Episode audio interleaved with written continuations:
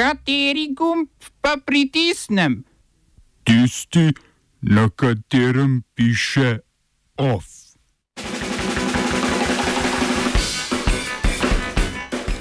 Indija nadaljuje obmejni spor s Kitajsko s prepovedjo aplikacij. Ameriški program vohunjenja nad američani razglašen za nezakonitega. Pravobranilka sodišča Evropske unije o slovenskem kršenju pravila nedotakljivosti arhivov Evropske centralne banke. V kulturnih novicah pa z razstavo Brad Downey otvoril festival novomedijskih umetnosti.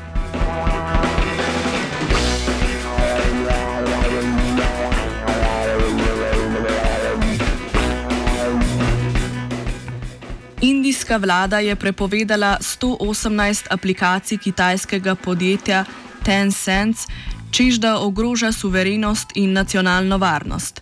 Aplikacija za urejanje selfijev, igranje igric in zmenkarije je obtožila kraje uporabniških podatkov in s tem ogrožanja nacionalne varnosti. Prepoved aplikacij je nadaljevanje obmejnega spora na območju Himalaje, kjer se od junija dogajajo incidenti z žrtvami.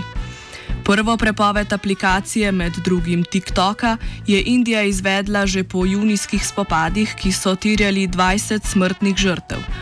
V ponedeljek pa sta se državi ponovno obtožili provokacij in vojaškega prestopa linije dejanske obrambe, o katere natančni lokaciji se državi ne strinjata.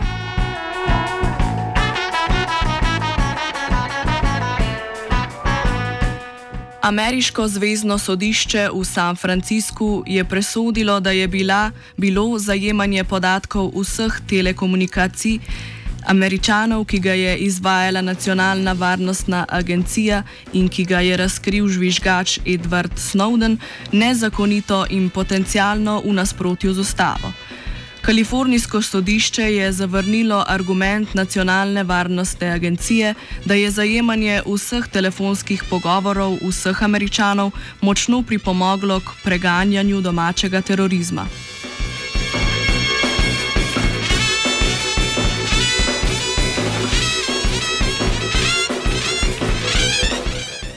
Združene države Amerike so Etiopiji zamrznile del denarne pomoči zaradi etiopskega enostranskega upravljanja z jezom na Nilu, ki je predmet spora Etiopije, Egipta in Sudana. Ameriški zunani minister Mike Pompeo je po nasvetu predsednika Donalda Trumpa zamrznil del pomoči, potem ko je Etiopija julija začela polniti jez pred sklenitvijo dogovora o uporabi vode Nila. Pogajanja se neuspešno vrtijo predvsem okoli vprašanja upravljanja z Nilom v času večletnih suš. Pogajanja, ki jih je do nadavnega vodilo ameriško zunanje ministrstvo, je Etiopija zapustila, obtožujoč ameriško vlado favoriziranja interesov Egipta.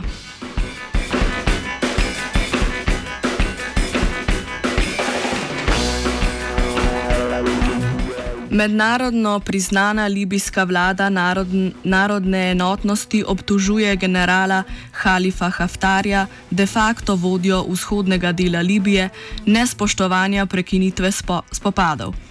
Premijer, premijer vlade narodne enotnosti, ki ima sedež v Tripolju, Fajes al-Sarač, je k ustanovitvi spopadov pozval avgusta, potem ko je njegova vlada Haftarjevo vojsko uspešno pregnala iz Tripolja. Tobruški parlament, zakonodajno telo Haftarjeve oblasti, je prekinitev ognja in demilitarizacijo mesta Sirte podprl, Haftar pa je predloga označil kot trik. Haftar je na to ostreljeval tripolsko vojsko zahodno od Sirte.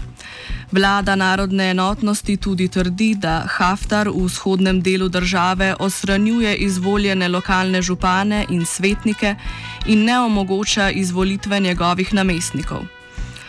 Kljub temu se bodo mirovna pogajanja pod vodstvom Združenih narodov nadaljevala. Na njih sodelujeta tripolska vlada in tobruški parlament, ne pa libijska vojska pod vodstvom Haftarja.